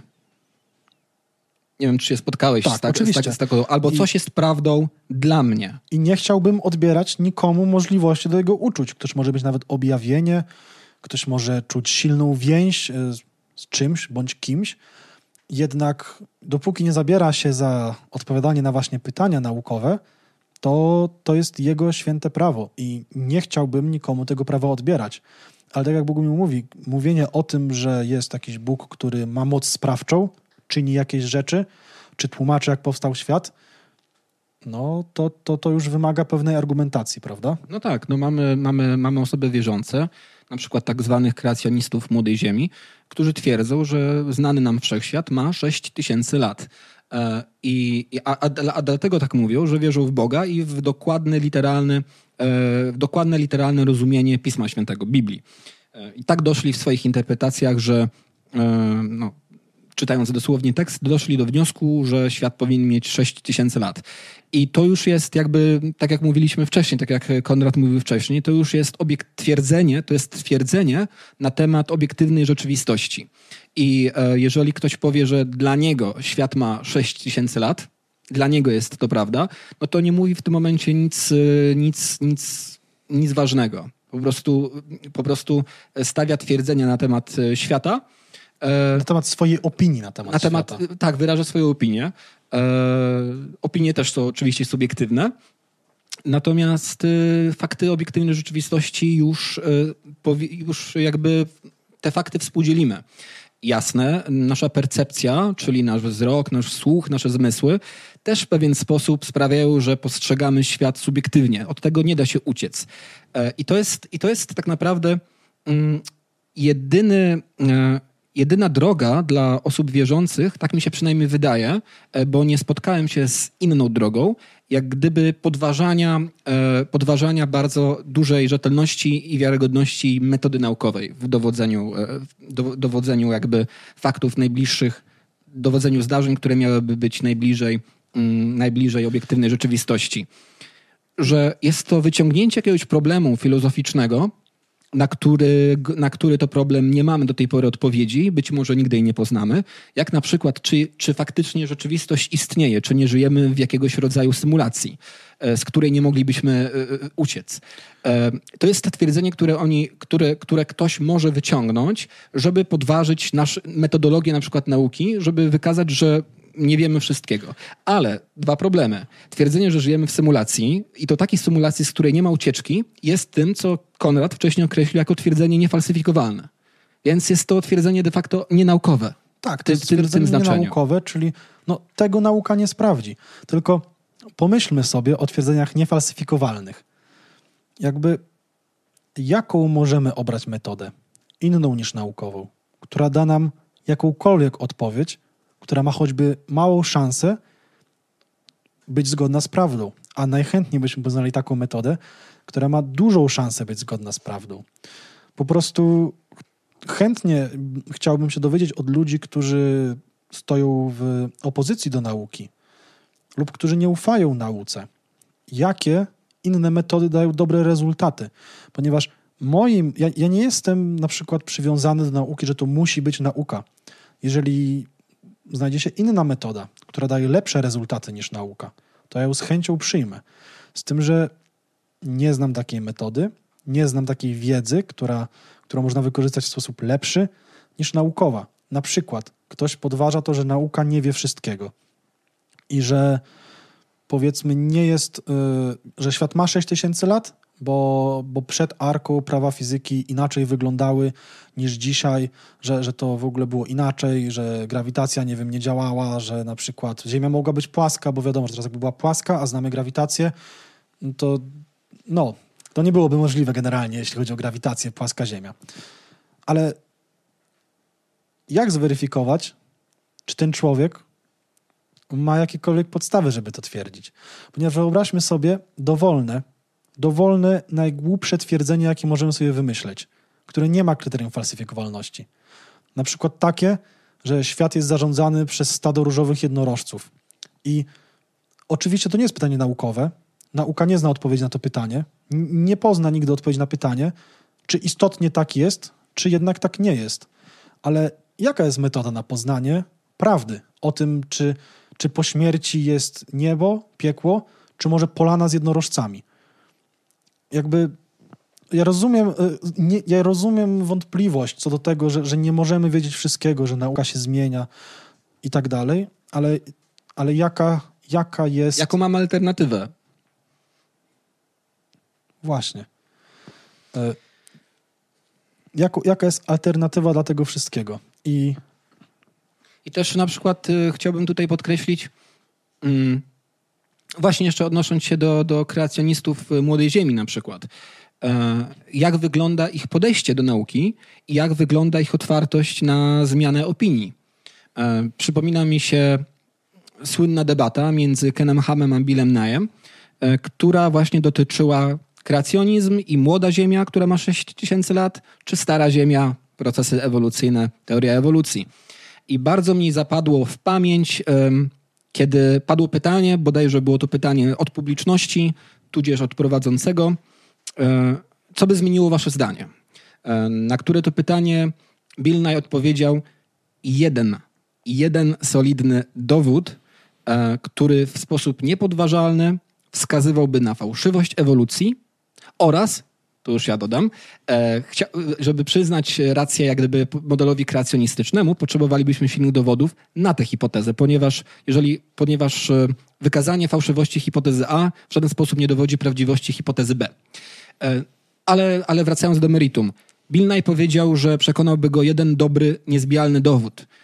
Kiedy zapytano jego oponenta, Kena Hama, e, co by zmieniło jego zdanie, odpowiedział nic.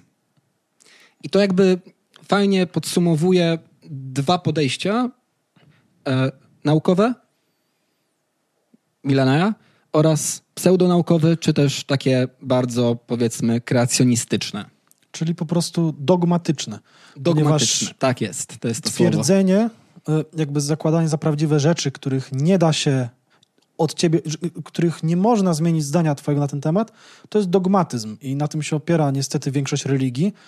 A, a nauka jest piękna w tym, że naj, naj, no oczywiście wszystko ma swoje ciemne strony. Być może są takie gałęzie nauki, gdzie nie wszyscy się do tego stosują, ale założenia nauki są takie, że jest niezdogmatyzowana, to znaczy nawet najlepsza teoria, najbardziej powszechna, najbardziej fundamentalna, jaką teraz znamy, yy, może być podważona przez jeden, jedyny argument, przez jedno doświadczenie, które będzie rzetelnie udokumentowane, które podważy tą teorię. Na przykład teorię ewolucji można byłoby podważyć, gdyby znaleźć szczątki kilku gatunków żyjących współcześnie, z okresu sprzed miliona lat. Tak, Gdyby tak, takie słynne, szczątki znaleźli... Słynny przykład y, biologów ewolucyjnych, szczątki królika w prekambrze. Dokładnie. Jeżeli ktoś to znajdzie, to na przykład teoria ewolucji będzie poddana pod dużą wątpliwość. A jak ktoś znajdzie drugie szczątki innego zwierzęcia, to prawdopodobnie upadnie.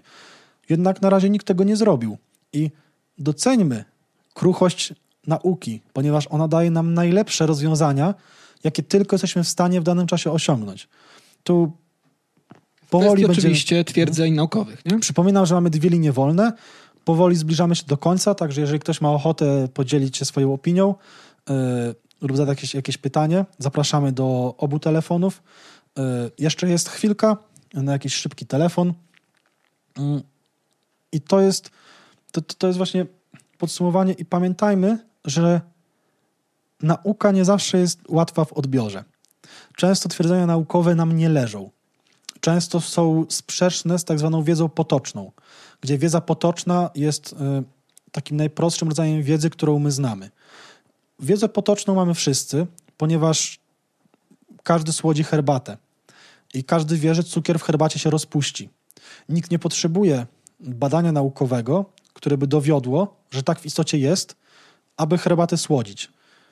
Ale są takie fragmenty mm, naszej wiedzy, które które nauka mm, podważa. E, no, do, przychodzi mi taki dosyć wyszukany przykład teraz, ale chociażby niezmienność czasu. W dzisiejszych czasach wiemy o tym, że zegar na orbicie e, w satelicie musi być synchronizowany bardzo często z tym zegarem na Ziemi, ponieważ na orbicie czas płynie szybciej i gdyby na przykład do nawigacji statków używać niesynchronizowanych zegarów, gdzie jeden wysłaliśmy na orbitę, a drugi leży na Ziemi, to błędy byłyby dosyć znaczne i można było po prostu źle być nawigowanym. No, w naszym codziennym życiu nie doświadczamy dylatacji czasu i nasza wiedza potoczna mówi, że czasu się nie da zmienić, że czas jest niezmienny i stały.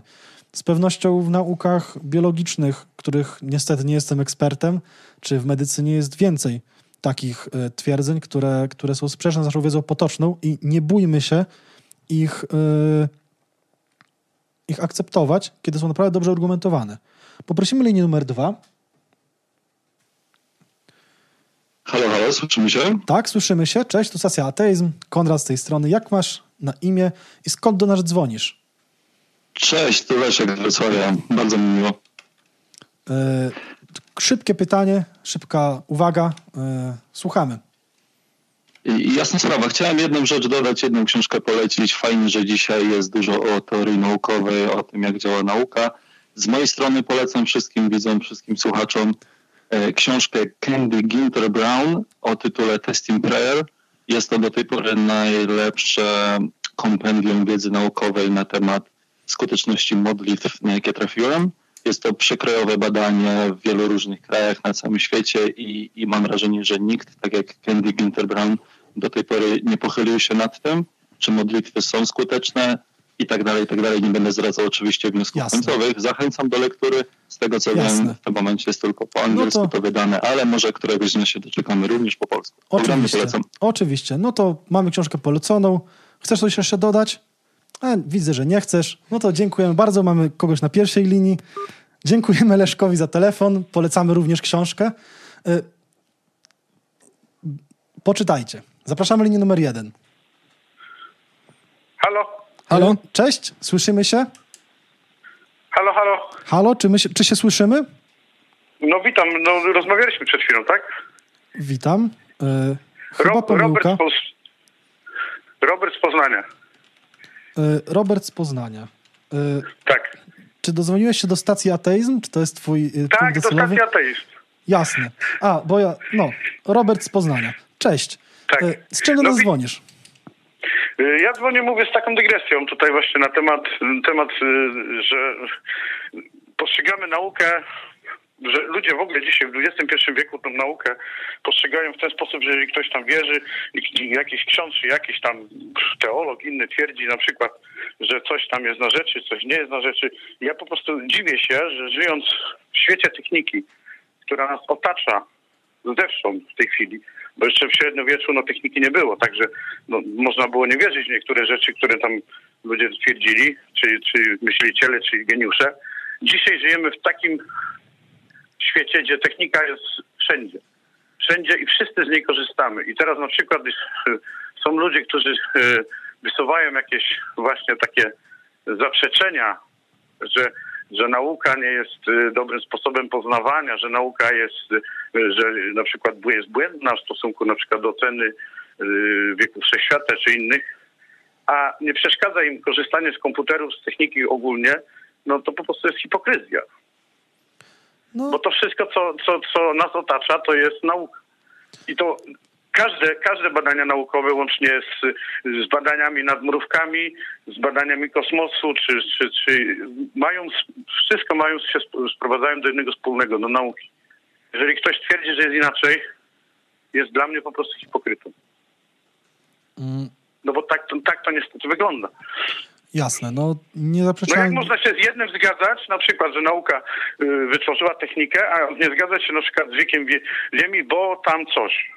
No ja po prostu tego nie rozumiem. No bo na przykład kreacjoniści mogą powiedzieć, że prawa fizyki przed Wielkim Potopem były inne od tych, które mamy dzisiaj. No ja często się spotkałem z taką opinią i no po prostu nawet nie rozumiem w ogóle toku myślenia tak, takiego. Jest to dla mnie jakiś utopijny w ogóle tok myślenia. To znaczy... Bo, wszelkie, mhm. bo jeżeli na przykład, nie, bo jeżeli, rozumiem kreacjonistów, którzy wyszukują jakieś pojedynczych rzeczy, Y, które ciężko jest wyjaśnić, bo są na przykład zjawiska, jest takie zjawisko geologiczne, gdzie, gdzie jest kilka warstw geologicznych i w środku tych wielu warstw geologicznych jest drzewo, skamieniałe drzewo. Rozumiem, że jest to ciężkie do wytłumaczenia, jest to jakiś argument i wtedy mogę rozmawiać na ten temat. A jeżeli ktoś po prostu twierdzi, że prawa fizyki się zmieniają jak no to po prostu jest śmieszne, nie? bo to na to nie ma w ogóle żadnych dowodów. Jasne. I, i to znaczy, to mm -hmm. nie ma w ogóle żadnego nawet I, jakiegokolwiek punktu zaczepienia, żeby o tym rozmawiać. To znaczy tak, natomiast pamiętaj, zdaj, musimy wszyscy sobie zdawać sprawę, że e, ja to nazywam e, takim mechanizmem nieskończenie wiele razy przesuwanej poprzeczki. To znaczy, kiedy już zaczynasz stawiać twierdzenia jakiekolwiek, jakkolwiek nadzwyczajne i y, szalone by one nie były, które nie są falsyfikowalne, nie można ich spra sprawdzić, to zawsze będziesz w stanie gdzieś tę hipotezę Boga, jak gdyby mówiąc brzydko, wcisnąć, prawda? Na przykład, na przykład stwierdzi, Biblia mu podaje, że Noe żył ponad 600 lat na przykład, prawda? Obecnie ludzie, wiemy, że ludzie tyle lat nie żyją. E, no więc teraz y, mamy dużą sprzeczność między tym, co mówi nam rzeczywistość, taka jaką postrzegamy, a tym, co mówi Biblia. Rozwiąza rozwi rozwiązanie? W czasach Noego ludzie żyli tyle lat. Nie mamy na to dowodów żadnych poza Biblią. Dlaczego? Dlaczego w to wierzysz, y, że tak było?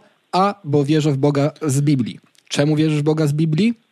Bo na przykład, bo Noe przecież miał 600 lat. I tutaj pamiętajmy o tym, o czym, już, o, ty, o, o tym, o czym już mówiłem, że wraz ze wzrostem nieprawdopodobności naszej hipotezy, coraz większy jest wymóg co do dowodów na jej potwierdzenie. I ja tu się poniekąd z Tobą zgodzę, że oczywiście to, że prawa fizyki są niezmienne w czasie i w przestrzeni, jest pewnym założeniem, ale założenie, że się zmieniają, jest wyjątkowo sprzeczne ze wszystkimi obserwacjami, które do tej pory poczyniliśmy i wyjątkowo no niezgodne. No, o tym Także... właśnie mówię. No jest to prawie, że no, nie wiem, czy, czy w ogóle ktoś nawet myślał z poważnych naukowców o takiej hipotezie. Nawet bo podejrzewam, że chyba nikt o takiej hipotezie nawet nie myślał. My, na bo pewno nigdy się my... tym nie, nie natknąłem się. Aczkolwiek nie twierdzę, że mo, może tak kiedyś się nie stać. Słyszałem o tym, może. że wiele osób myślało o tym, ale tak, tak jak to wspomniałem, nikt nie ma silnego, ani żadnego materiału dowodowego na to, że coś się mogło w tej no, materii w czasie nie, no, zmienić. to, to jedynie filozofowie, no ale mówię tutaj o jakiejś poważnej nauce, nie? O, ja mówię, jakieś tam stwierdzenia. Także, no.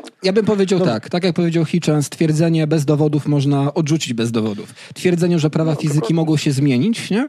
E, jest twierdzeniem, które zostało wystawione bez dowodów, ponieważ wszystko, co wiemy, wskazuje na to, że prawa fizyki są stałe i niezmienne w czasie.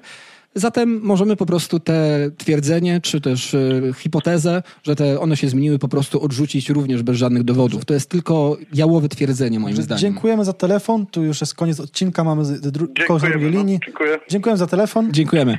Poprosimy linię numer dwa. I dzwoni w przyszłym tygodniu. E, halo, tutaj Artur z Warszawy. Jeszcze raz ja. Ja o, chciałem tylko dopowiedzieć wam mianowicie, jaki, jaki jest tytuł tego filmu, o którym mówiłem. Jasne. E, mianowicie jest to w poszukiwaniu Starego Tybetu. W poszukiwaniu Starego Tybetu. W poszukiwaniu Starego Tybetu. Niestety Jasne. tego filmu się nie da na, na, na YouTube znaleźć, ale można sobie go kupić. No i moja, e, taki wniosek na, na, na, temat tego filmu jest taki, że jeżeli to, co oni mówi, mówią tam, to jest prawda, to znaczy, że po prostu ktoś ma taką zdolność, że może sobie położyć rękę na kamieniu i zrobić tam odcisk dłoni. Także to jest właśnie y, taki film, który, który być może warto obejrzeć dla takich Czyli film... ludzi, którzy chcą, no, no, którzy, którzy tam szukają zjawisk paranormalnych. To, to, ten film trzeba, trzeba jakoś skomentować. Nie wiem, czy dobrze zapamiętałem. Poszukiwania tak, starego tak, Tybetu? Tak, nie. W poszukiwaniu Aha. starego Tybetu. Napisałem wam to na, na mailu nawet. Jasne. Także jak nam Super. się uda dostać, to na pewno zobaczymy i sprawdzimy, czy, czy, czy ten film jest oparty na fajnych dowodach jeżeli jest. No i, dziękuję, i bardzo dziękujemy za telefon, tak. z, z, jakby z informacją z na informacją. temat tego filmu. Uh Dobra. Dzięki wielkie. Do usłyszenia. Do usłyszenia, do dzięki. No tu miły powrót do tematu z porządku odcinka. Ktoś jest zainteresowany? No ja polecam sprawdzać generalnie. Tak, Zawsze, tak. jeżeli kogoś zaciekawi, polecam sprawdzać, jak ma się czas i ochotę, bo jeżeli okaże się, że to jest y, prawdziwe, można ja z, chęcią, ja z chęcią zerknę, natomiast y, myślę, że po prostu materiał zrealizowany przez jakąś wytwórnię filmową, studio czy, czy, czy jakąś y, organizację dziennikarską, nazwijmy to, no to jeszcze nie będzie, wie, wie, to jeszcze nie będzie naukowy dowód na to, że, że, że, że najwyraźniej wiele rzeczy, które wiemy o świecie, okazuje się nagle nieprawdziwe. Ale być może ten film jest jakąś rewolucją, o której nikt jeszcze nie słyszał. Niczego nie można wykluczyć. Nie Czy ja mógłbym się odnieść szybko do jednej kwestii, o której Oczywiście. chciałbym powiedzieć? E, słuchajcie, bo tak mi... E,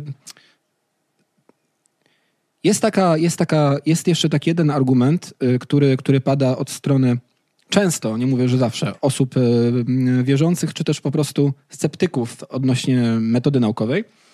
I to jest argument, że wszyscy bierzemy coś na wiarę, że wszyscy mamy coś wiarę.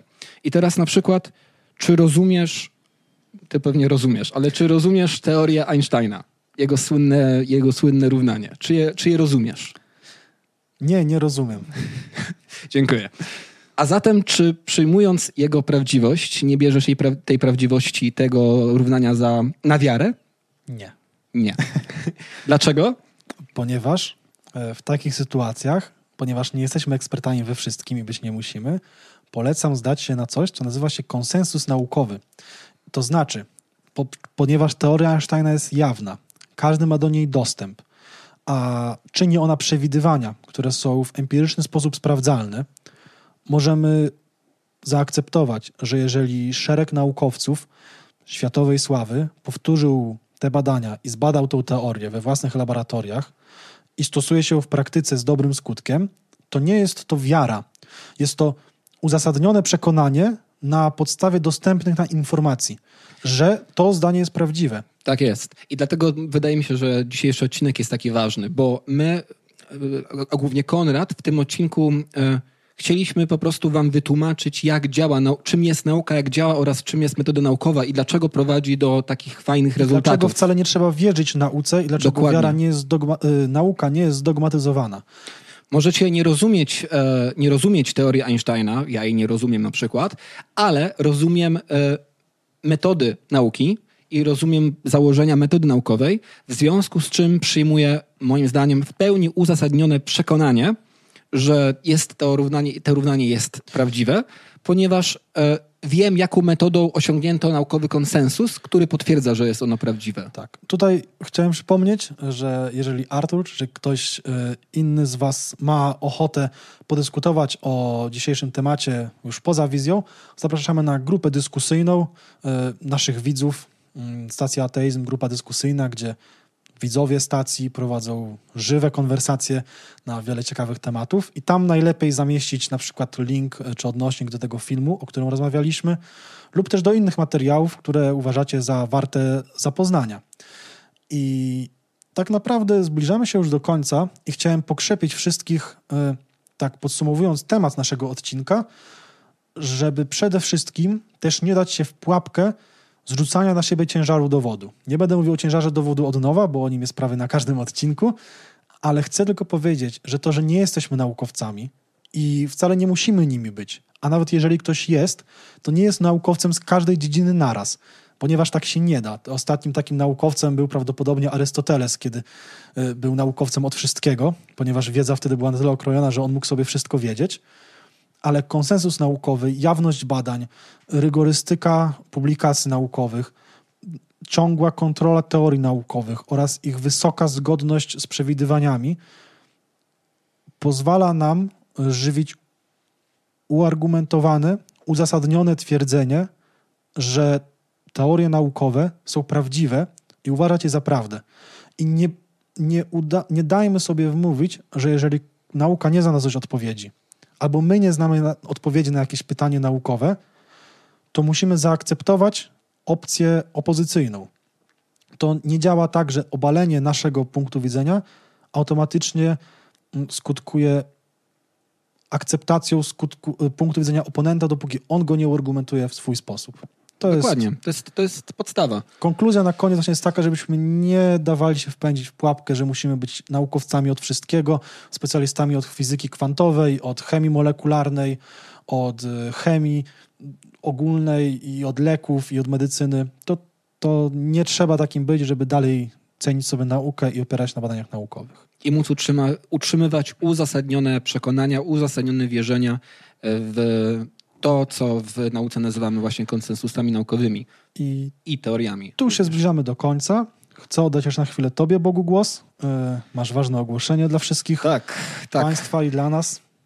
E, ja tak naprawdę chciałbym teraz zapowiedzieć, że będę przez pewien czas nieobecny na, na stacji Ateizm. Mam tutaj na myśli kilka miesięcy do prawdopodobnie czegoś w rodzaju pół roku.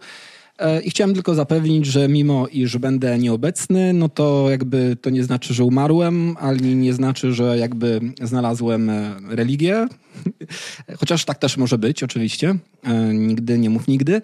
Natomiast jeżeli wszystko pójdzie po mojej myśli, to myślę, że wrócę za jakiś czas do stacji, kilka miesięcy i zobaczymy się na pewno ponownie tutaj na wizji. Ode mnie to, to tyle. Także na pewno będziemy tęsknić ale Miejmy nadzieję, że Bogu już niedługo nas odwiedzi z powrotem. Cóż, zbliżamy się do końca naszego odcinka. Czas antenowy już się prawie skończył. Czy chcesz jeszcze Bogu po tej swojej pożegnaniu coś e, dodać na sam koniec? Wydaje mi się, że wszystko zostało powiedziane. Mówię, nie musicie być fizykami, matematykami, biologami, e, chemikami i piszę tutaj dowolną dziedzinę nauki, żeby móc utrzymywać uzasadnione wierzenia z dziedzin tych, z zakresu dziedzin, tych dziedzin. E, po prostu znajdźcie metodologię naukową, obejrzyjcie inne też materiały, jeżeli, jeżeli są, a istnieją na pewno, e, o metodologii naukowej, o tym, jak jeszcze działa metoda naukowa. Można, można znaleźć na ten temat na pewno bardzo wiele książek i na pewno bardzo wiele artykułów i filmów dokumentalnych. E, I po prostu to nie jest tak, że trzeba być ekspertem we wszystkim, żeby móc stawiać jakiekolwiek twierdzenia. Jeżeli znasz metodologię, którą dochodzi się do pewnych wniosków i ją jesteś w stanie ocenić jako na przykład rzetelną, e, i taki jest konsensus, to wtedy jesteś jak najbardziej uzasadniony w utrzymywaniu tego za prawdę. Tak. I Tyle. to słowo ode mnie. Dociekajcie. Jeżeli wam się coś nie podoba, krytykujcie. Starajcie się myśleć krytycznie nad wszelkimi prawdami, które próbują wam wmówić. Nie wierzcie nikomu na słowo. Jeżeli ktoś cytuje badanie naukowe, które uważacie, że jest niesłuszne, sprawdźcie, czy ono jest prawdziwe, czy ono w ogóle istnieje, czy jest rzetelne, ewentualnie czy jest inne badanie naukowe, które potwierdza to jedno. Po prostu nauka nie, nie chce, żeby ktokolwiek wierzył w naukę. Nie wierzcie nauce. Wszystko sprawdźcie, kiedy uznacie, że warto w to uwierzyć, że warto uznać za prawdę, dopiero wtedy to wszystko uznajcie. To jest idea nauki, metody naukowej. Zachęcam wszystkich do polubienia tej właśnie metody. No i na koniec dziękuję wszystkim za uwagę. Dziękuję, że wytrzymaliście z nami te półtorej godziny w niedzielny wieczór. Dziękuję Tobie, Bogu. Ja również dziękuję. Dziękuję ekipie technicznej, która czuwała nad wszystkim. Dziękuję widzom studio, którzy nas tutaj dopingowali. I wszystkim widzom bardzo serdecznie jeszcze raz dziękuję, bo to wy jesteście najważniejsi w tym całym projekcie, żeby przekaz miał trafiać do kogoś. Dziękuję za telefony i do zobaczenia za tydzień. Do zobaczenia.